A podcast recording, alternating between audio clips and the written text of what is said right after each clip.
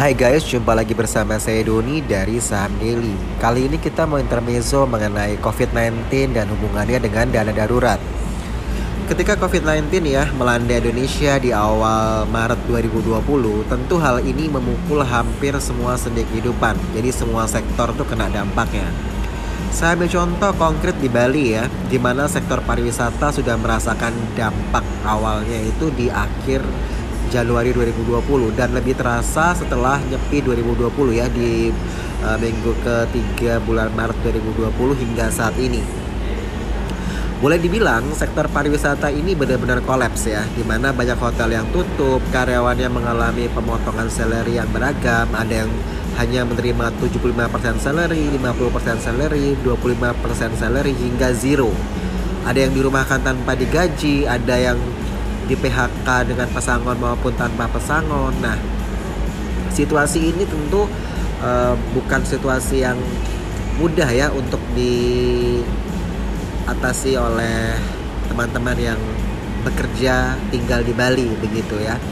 Kenapa uh, saya angkat dari sektor pariwisata? Karena memang sektor inilah yang pertama kali merasakan dampak yang luar biasa dimulai dari penutupan penerbangan internasional, otomatis kan wisatawan asing stop datang ke Bali ya. Anda bisa bayangkan begitu Bali dengan pendapatan pariwisatanya tiba-tiba tidak ada turis asing maupun turis domestik. Di mana tingkat hunian hotel mendekati 0% bahkan kalau kita lihat sekarang ya benar-benar zero begitu ya. Di mana akibatnya banyak hotel yang tutup karyawan di PHK begitu ketika tidak ada mobilitas tamu internasional maupun domestik itu artinya benar-benar tidak ada income yang masuk gitu ya. Baik bagi hotel, villa, travel agent mau itu offline maupun online ya. Jadi saya yakin kalau di kayak traveloka, booking.com apalagi ya Agoda itu kelihatan banget pasti drop ya revenue dari uh, hotel maupun villa begitu ya. Bookingan-bookingannya juga drop di situ ya. Lalu uh, tidak ada event uh, baik corporate meeting maupun wedding event. Terutama di Bali banyak sekali uh, wedding event ya tiba-tiba nggak ada aja gitu kan karena ada self uh, harus ada social distancing maksud saya begitu. Sehingga akibatnya event organizer maupun wedding organizer itu tiarap bisnisnya ya kan? Kalau kita lihat restoran, cafe, mall, beach club, pub atau night club, spa, souvenir store even termasuk uh, penyewaan kendaraan mau itu mobil maupun maupun sepeda motor. Nah, jadi ini boleh dibilang semua sendi yang mendukung sektor pariwisata itu benar-benar ambruk kolaps seperti itu. Ini saya ambil contoh satu uh, sektor ya yang benar-benar memang uh, sangat terasa gitu dampaknya begitu. Bisa bisa teman-teman bayangkan terhadap sektor-sektor yang lain bahkan mungkin dengan pekerjaan teman-teman yang mungkin berbeda sektornya gitu tentu pasti uh, mengalami dampak yang uh, luar biasa juga ya seperti itu nah yang banyak ditanyakan ya uh, oleh klien saya maupun teman-teman dekat saya adalah bagaimana kita harus bertahan di tengah pandemi COVID-19 saat uh, penghasilan kita berkurang begitu kan. Jadi memang ini menjadi pertanyaan semua orang. Uh, saya rasa teman-teman juga mengalami hal itu ya kalau kita uh, ketemu teman ya uh, lagi ngopi pasti ya lagi pusing mikirin bagaimana uh, mengatasi keuangan kita begitu ya. Nah, dulu awal-awal saya sering ya kalau ke teman-teman saya saya selalu sharing mengenai uh, how to plan your financial gitu ya. Gimana sih supaya kita bisa ngatur uh, keuangan kita begitu. Cuman mungkin jadi angin lalu. Itu sama halnya ketika misalkan saya bicara soal asuransi mengenai dana darurat gitu ya. Uh, orang kayak apaan sih nggak penting begitu. Tapi ketika itu terjadi saat ini baru orang mikir oh iya ya eh, gue kagak punya dana darurat. Nah itu hal-hal yang misalkan teman saya datang ke saya saya cuma tanya e, kamu punya dana, punya dana darurat kan?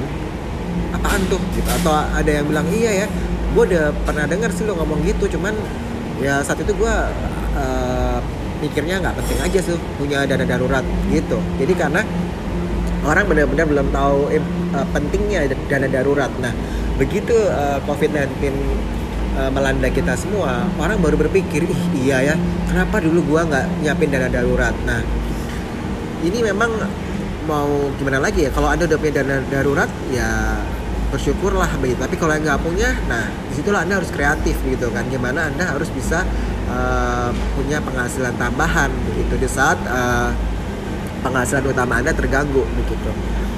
Simpelnya gini ya kebiasaan kan kita terima penghasilan atau gaji bulanan. Jadi kita harus bisa mengalokasikan penghasilan kita itu.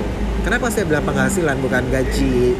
Karena gini penghasilan itu bisa dari gaji bulanan yang kita terima dari perusahaan tempat kita bekerja dan bisa juga dari penghasilan sampingan.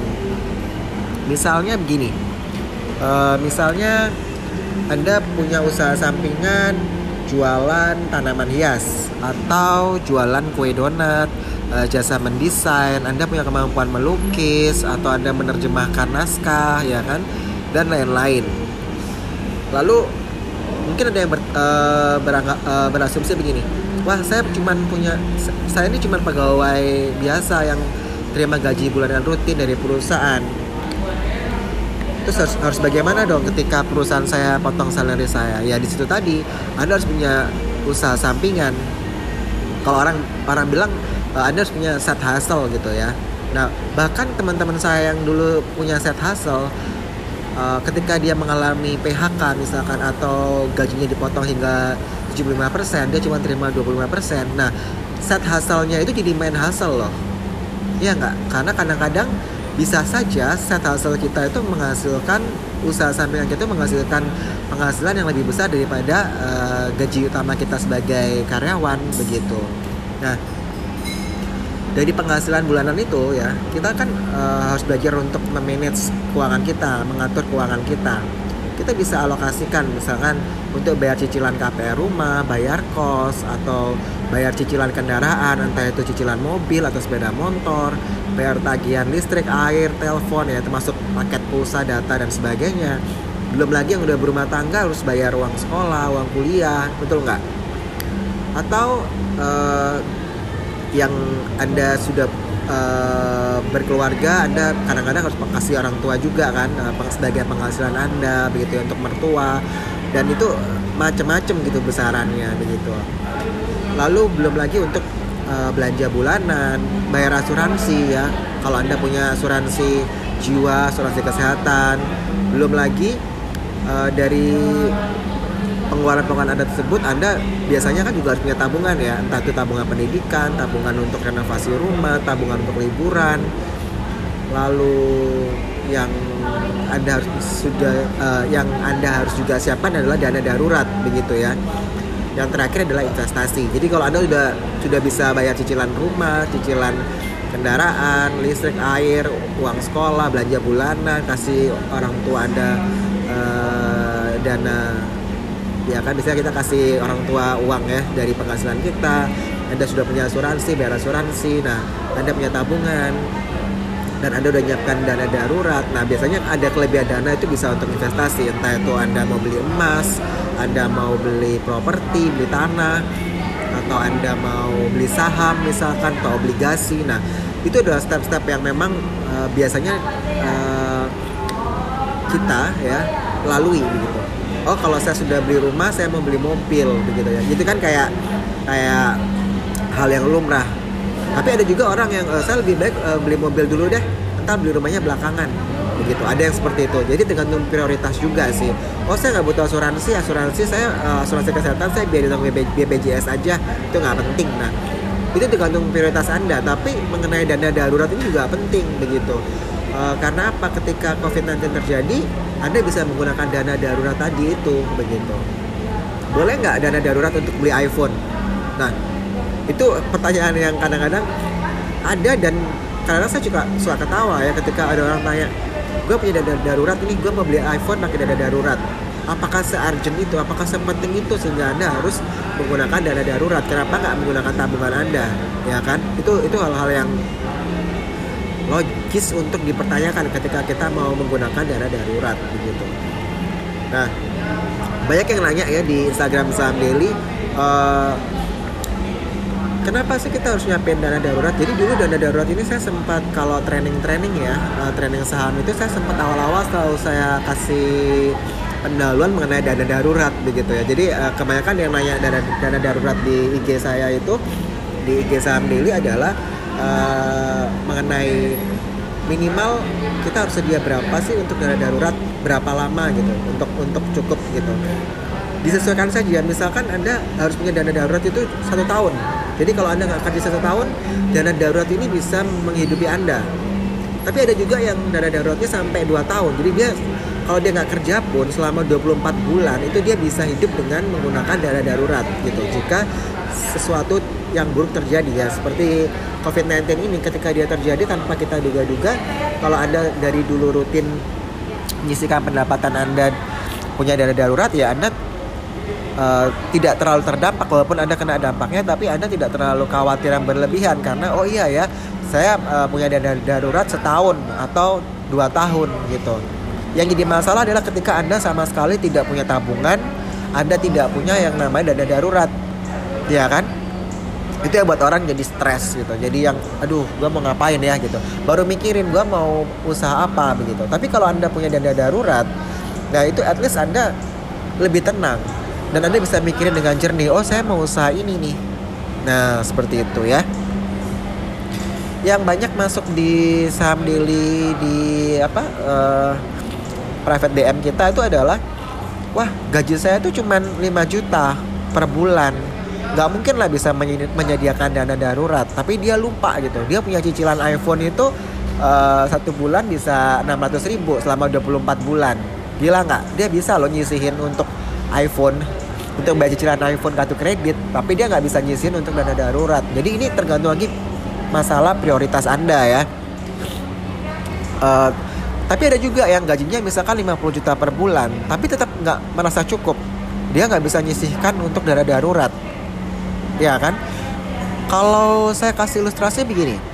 Dulu gajinya 5 juta. Bisa bersyukur bisa makan pecel lele pinggir jalan makan sego sambal di warung uh, minum kopi hitam di warung begitu ya. Begitu gaji 50 juta makannya harus di restoran-restoran yang ada di mall atau kita bilang fancy restoran atau dia beli pakaian harus yang branded harus punya mobil. Mobil bukan yang mobil yang biasa ya mobilnya harus mobil mewah.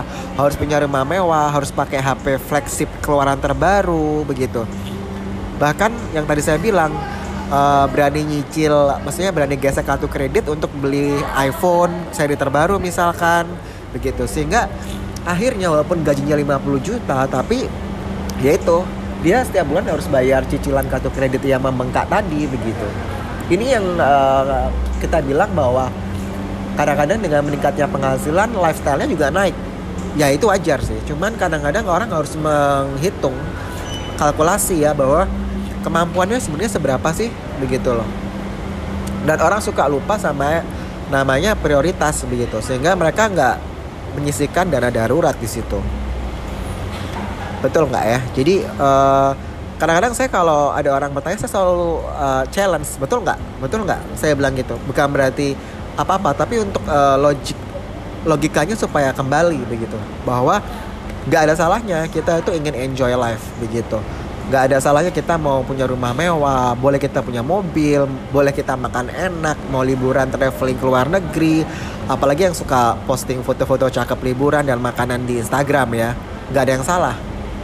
Itu kayak kita mau apa kita bilang appreciate ourselves karena kita udah kerja keras begitu. Boleh kita nikmatin cuman harus terukur ya kan?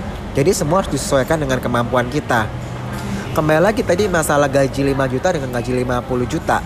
Nah dua-duanya harus bisa uh, mengatur prioritas skala prioritas anda begitu. Ya kan? Kalau anda nggak punya skala prioritas anda cuma konsum konsum konsum. Akhirnya ketika something happen yang buruk terjadi kayak virus COVID-19 terjadi, Anda benar-benar di ujung kemiskinan begitu karena ya itu tadi Anda nggak siap sama sekali begitu karena selama ini Anda cuma konsumsi konsumsi konsumsi. Konsumtifnya terlalu berlebihan mungkin ya seperti itu. Jadi kalau misalkan pertanyaan tadi kalau gaji saya kecil gimana dong? Kan saya nggak bisa nyisihin uh, untuk dana darurat. Nah anda harus punya penghasilan sampingan. Betul nggak? Kalau Anda punya penghasilan sampingan, at least Anda bisa menyisihkan uang untuk dijadikan dana darurat. Begitu. Jadi ketika Anda nanti kehilangan pekerjaan Anda atau ketika gaji Anda dipotong hingga 75% karena sesuatu ter, sesuatu yang buruk terjadi, Anda tuh nggak uh, kelimpungan ya istilahnya begitu. Kalau di sebelum uh, COVID-19 terjadi ya kita perhatikan postingan teman-teman kita Instagram ya begitu ya. Isinya foto-foto liburan makanan yang menggoda outfit yang branded yang wow gitu ya. Tapi sekarang IG Story saya lihat uh, lebih banyak teman-teman yang jualan makanan minuman tanaman hias lah sayur mayur hidroponik dan lain-lain. Yaitu sebagai bentuk kreativitas sebagai upaya untuk bertahan di kala kondisi keuangan kita terganggu begitu kan. Lah ada juga yang uh, challenge gitu ya bahwa dia bilang lah kalau semua orang jualan makanan, minuman, tanaman, uh, baju bekas lah, sayur mayur, siapa yang mau beli dong? Kan semua lagi kena covid. Pasti orang bakal mengurangi konsumsinya. Jangan pesimis dulu, kerjain saja dulu gitu loh. Jadi optimis aja dulu gitu loh. Kalau nggak berhasil ya kalau gagal ya gimana? Kan pasti gitu kan. Kalau nggak berhasil gimana? Kalau gagal gimana? Kalau rugi gimana? Ya buat saya ya pilihan yang cerdas adalah mending lakukan dulu gitu. Mencoba daripada cuma pengen tapi nggak diwujudin gitu loh. At least anda melakukan sesuatu. Kalau anda gagal anda rugi ya itu anda belajar something kan? Dibandingin uh, you do nothing begitu. Itu sih yang uh, saya lebih tekankan ya bahwa dengan anda berusaha itu anda nggak terlalu stres uh, istilahnya anda cuma mikir gimana gimana gimana tapi anda nggak melakukan. Beda dengan gue ada masalah ini gue harus ngapain ya? Ya udah gue punya konsep gue mau begini begini begini gue wujudin. At least anda punya aktivitas untuk uh, melakukan sesuatu. Jadi uh, fokus anda itu ke usaha anda bukan fokusnya ke negatif tapi lebih ke positif seperti itu. Uh, lalu ada juga teman-teman yang uh, dulu ya antisipa antipati bukan antisipasi antipati terhadap uh, dunia saham gitu ya. Mereka kayak yang kalau saya jelasin tentang saham mereka ah saham kan judi ya don gitu. Atau ah saham kan resikonya tinggi ya. Aduh gue nggak pinter nih otak gue kayak nggak nggak nggak nyantol dong kalau soal saham itu. Jadi dari awal mindsetnya udah kayak saham tuh susah banget ya. Tapi ketika covid-19 terjadi gitu ya banyak teman-teman yang uh, tanya lu enak ya uh, trading saham investing di saham? Kayak lu gak kena covid deh terus biasanya saya suka uh, ini teman-teman dekat ya saya suka kasih edukasi uh, dalam artian mindsetnya mereka ya bahwa uh, trading saham atau investing di saham itu kalau dibilang susah ya susah, dibilang gampang ya gampang begitu. Tapi semua itu apa pun itu itu butuh proses belajar, nggak ada yang instan begitu.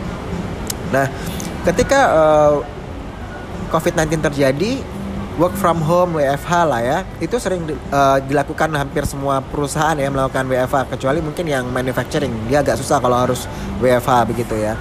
Sehingga uh, ketika teman-teman saya lihat oh enak ya kalau trading saham itu uh, modalnya ya pakai handphone doang gitu ya uh, selain modal uang ya. Maksudnya uh, toolsnya kan lebih mudah begitu kalau Anda mau buat coffee shop aja Anda harus sewa tempat lah, desainnya seperti apa, biji kopinya beli di mana, uh, alat mesin untuk roastingnya gimana, uh, rekrut karyawan. Jadi uh, banyak yang disiapin. Tapi kalau untuk investing atau trading di saham kan lebih mudah gitu karena Anda pasti punya handphone kan gitu. Dan uh, buka rekening dana investasi bisa online juga kan gitu. Jadi kayak semua itu ada di genggaman Anda begitu. Terus saya selalu bilang bahwa ya memang mudah kelihatannya tapi semua harus belajar gitu. Nah ketika WFA terjadi ini memang kalau saya lihat ya uh, banyak sekali uh, teman-teman yang mulai mencoba masuk di saham begitu ya. Nah, cuman yang memang saya selalu tekankan, terutama untuk teman-teman dekat saya ya uh, di circle saya, saya selalu bilang bahwa jangan muluk-muluk harapannya karena sebagai pemula itu godaannya memang tinggi begitu, karena pengennya cuan-cuan-cuan. Nah di situlah kita harus uh, meningkatkan knowledge kita, skill kita begitu. Dan saya selalu bilang bahwa kalau anda melakukan sesuatu, itu pilihlah yang anda tahu, yang anda sukai, begitu. Sama halnya ketika anda mau memulai bisnis atau usaha, anda pasti bingung mau usaha apa gitu. Tapi anda tanya sama diri anda, hobinya anda apa, anda sukanya apa, yang anda tahu itu apa, begitu. Jadi kalau anda sudah tahu, ya akan lebih mudah begitu. Betul nggak? Jadi uh, kembali bahwa kita nggak pernah tahu COVID-19 sampai kapan ya. Dari Maret sampai ini sekarang Juli loh.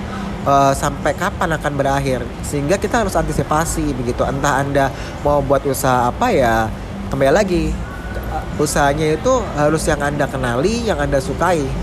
Kenapa? Di situ anda put all your effort itu di situ karena emang anda suka begitu ya kan bisa aja anda jualan minuman herbal jualan donat jualan tanaman hias atau usaha sayur hidroponik begitu kan kalau usaha hidroponik memang banyak teman-teman saya yang uh, berhasil ya uh, buat di rumahnya karena kan nggak uh, butuh lahan yang banyak gitu ya space-nya gitu. Anda bisa lihat di YouTube cara buat hidroponik, beli bibitnya bisa cari di Tokopedia, Shopee, Bukalapak. Jadi sesuaikan saja dengan uh, minat bakat Anda, hobinya apa gitu ya. Supaya Anda punya uh, usaha sampingan. Yang apa yang menarik dari COVID-19 ini ya kita diajarkan untuk tidak terlalu konsumtif dan lebih siap ketika hal ter, hal terburuk terjadi gitu. Di mana kita kehilangan pendapatan utama kita kita udah punya yang namanya dana darurat begitu. Sehingga kita lebih terbantukan. Terus kalau saya belum punya dana darurat harus bagaimana? Itu tadi harus usaha ya enggak jadi kalau anda mungkin aduh gua kalau usaha kayaknya enggak deh ada kan orang yang skeptis seperti itu ya Anda bisa bongkar uh, lemari Anda begitu. Ambil contoh begini. Anda punya Apple Watch seri terbaru yang Anda beli mungkin ketika menjelang Natal atau tahun baru begitu ya. Anda bisa jual terus dananya Anda bisa pakai untuk bertahan hidup begitu. Atau Anda mau buka usaha kecilan apalah begitu. Atau oh saya punya dua mobil nih, satu udah lunas, satu masih kredit. Nah, kalau mobil yang satu masih kredit, Anda bisa minta penundaan pembayaran cicilan mobil kan atau Anda nego supaya cicilannya dikurangi tapi masa cicilannya diperpanjang. Atau Anda bisa jual satu mobil Anda dan hanya buat usaha begitu. Atau misalkan yang lagi uh, booming ya kayak sepatu uh, yang branded-branded ya, sepatu yang sport yang harganya misalkan 4 juta ya itu Anda bisa jual kan gitu loh. Misalkan untuk bayar kos seperti itu. Atau Anda punya baju-baju branded yang selama ini anda cuma pakai sekali terus anda gantung gitu aja ya nggak sih? Dan anda bisa jual di Instagram sebagai youth clothing gitu ya pakaian bekas gitu. Jadi cek aja anda uh, punya apa aja begitu ya yang anda bisa yang anda nggak gunakan tapi bisa diuangkan begitu sehingga bisa menjadi penghasilan buat anda gitu. Atau dari dana menjual tadi anda pakai untuk modal usaha anda seperti gitu nanti ketika COVID-19 ini berakhir ya harapannya kita sih teman-teman itu sudah bisa lebih baik merencanakan keuangan Anda. Ya intinya jangan nyerah sih, pasti Anda bisa begitu. Kalau dulu ya kesannya Anda cuek dengan perencanaan keuangan. Kalau ada financial planner ngomong apa, Anda cuma alah apaan sih gitu. Tapi dengan adanya COVID-19 ini anda jadi terbuka kan bahwa eh memang penting ya punya emergency fund atau dana darurat seperti itu. Jadi harapan saya ya buat teman-teman semua uh, belajar dari kesalahan begitu. Dan untuk punya set hustle gitu ya. Syukur-syukur kalau set hustle anda itu bisa jadi main hustle anda begitu. Terus uh, untuk yang misalkan oh karena WFH ini saya mau trading saham saja. Ya karena anda masih baru mau masuk di dunia saham ya intinya anda harus banyak baca gitu. Jadi anda uh, tambah knowledge Anda begitu. Dan saya ingetin sekali lagi nggak ada sesuatu yang instan begitu. Sama halnya ketika orang mau join ke premium member. Itu rata-rata mereka pengennya uh, cuan cuan cuan gitu. Ada jaminan nggak? Itu pasti cuan begitu. Itu pertanyaan yang mungkin uh, ratusan ribuan kali kita hadapi ya. Kadang-kadang saya sebenarnya kalau uh, saya pribadi sebenarnya yang gemes banget gitu ya no one can guarantee that if you join with the premium member and you will get maximal profit or always profit. Nggak mesti begitu gitu. Karena kita saja yang sudah bertahun-tahun trading di saham atau investing di saham terutama untuk trading ya itu bisa rugi loh begitu. Bahkan di portofolio kita ada yang masih merah jujur. Karena kita belinya uh, sebelum uh, eh, COVID-19 terjadi begitu kan even itu untuk yang di investing. Karena kita setnya kan long term ya begitu. Nah jadi ketika ada pertanyaan-pertanyaan uh, ini pasti cuan nggak ya? Kadang saya uh, jawabnya ya enggak begitu. Karena memang nggak ada yang instan begitu. Semua perlu strategi pembelajaran seperti itu. Bahkan even kita pun sebagai konsultan itu nggak yang semata-mata oh ini rekomendasi kita paling top paling Yahut lah. Enggak. Kita nggak pernah ngeklaim gitu ya kayak kecap nomor satu yang terbaik ada. Enggak nggak pernah mau begitu. Karena kita uh, sadari bahwa kita masih belajar begitu. Proses itu terus terjadi begitu. Anda dibilang expert anda dibilang financial consultant paling nom, uh, paling wahid lah nomor satu lah. Itu nggak akan berarti gitu. Kalau anda nggak belajar. Sehingga kalau teman-teman perhatikan ya kita masih baca buku kita sharing buku bahkan kita giveaway buku. Itu artinya apa? Bahwa supaya orang mau belajar nggak mau yang cukup oke okay, gue udah bayar nih gue pasti cuan dong. Nggak bisa gitu gitu.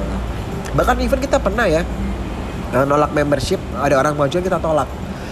Ada yang sudah join karena uh, kita kasih pembelajaran tapi kayaknya emang orang ini uh, berbeda visi dengan kita gitu.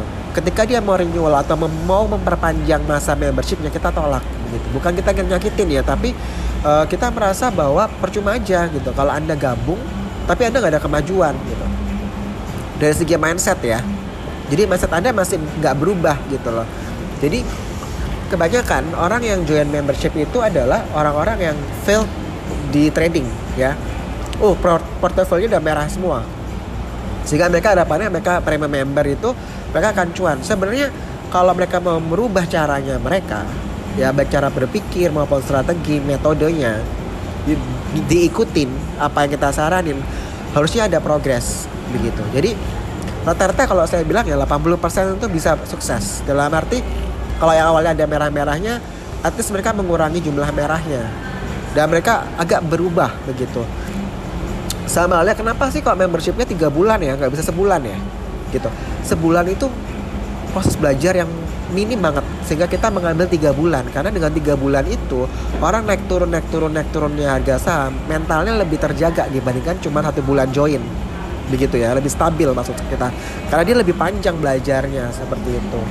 Jadi itu yang untuk yang oh WFH ini saya saya mau trading the saham. Jadi ini untuk message untuk teman-teman semua ya bahwa anda tidak gabung dengan premium maupun anda uh, join nggak masalah karena ini kan uh, pilihan begitu ya kalau ketika anda mau trading di saham untuk newbie newbie yang baru nggak ada salahnya anda belajar aja dari YouTube anda uh, banyak baca buku mau itu buku yang hard copy atau Anda uh, beli e-booknya nggak masalah.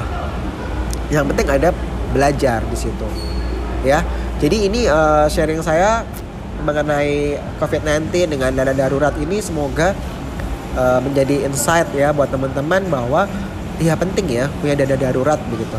Kalau saya harus mengurangin misalkan saya seminggu sekali harus shopping ke mall untuk beli baju lah atau harus makan di restoran lah mungkin anda bisa kurangin gitu karena uh, penghasilan anda juga berkurang kan nggak masalah begitu atau misalkan anda sudah punya dana, dana darurat nih dana darurat ini tersedia untuk 12 bulan ke depan begitu anda bisa kurangin tetap konsumsi anda supaya oh dia dari 12 bulan ini Anda bisa jadi 24 bulan dengan saya mengurangi setengah pengeluaran saya.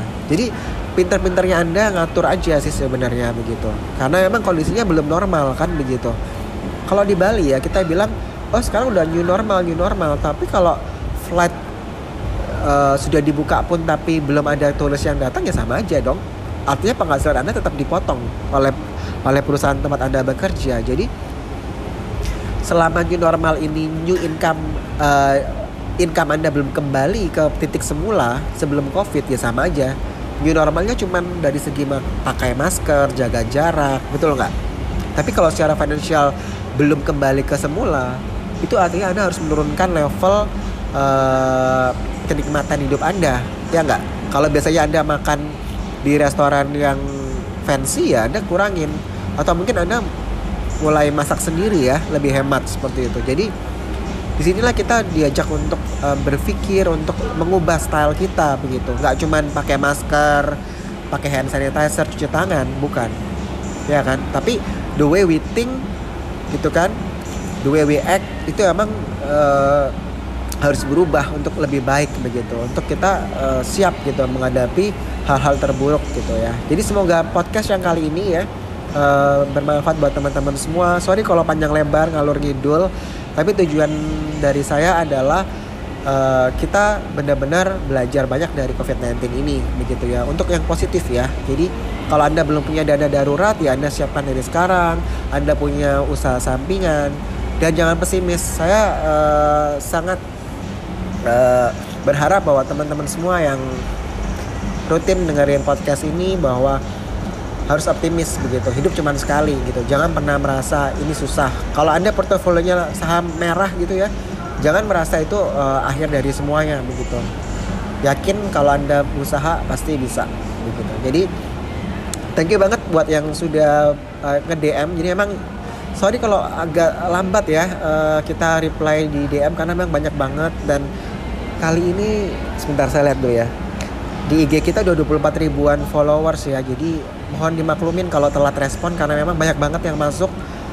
Nggak uh, semua kita bisa balas langsung. Uh, belum lagi yang uh, kasih apa ya kasih komen atau DM di DM kita itu yang agak aneh-aneh gitu ya. Itu kadang-kadang annoying banget ya uh, harapannya uh, bisa berkurang dan teman-teman benar-benar yang kalau mau DM ya yang benar-benar berisi gitu ya sehingga uh, kita bisa kasih apa kita bilang ya kayak waktu kita itu benar-benar untuk ngebales yang pertanyaannya bagus-bagus begitu. Jadi bukan yang iseng-iseng ya. kayak misalkan uh, beli bukunya di mana ya jelas toko buku lah ya gitu. Jadi, jadi kayak kayak gitu-gitu. Jadi uh, semoga COVID-19 juga bisa teratasi dan teman-teman semua sehat-sehat. Uh, jangan pernah nyerah itu aja intinya jangan pernah nyerah untuk tetap optimis. Oke, okay? saya Doni dari Sam Daily out.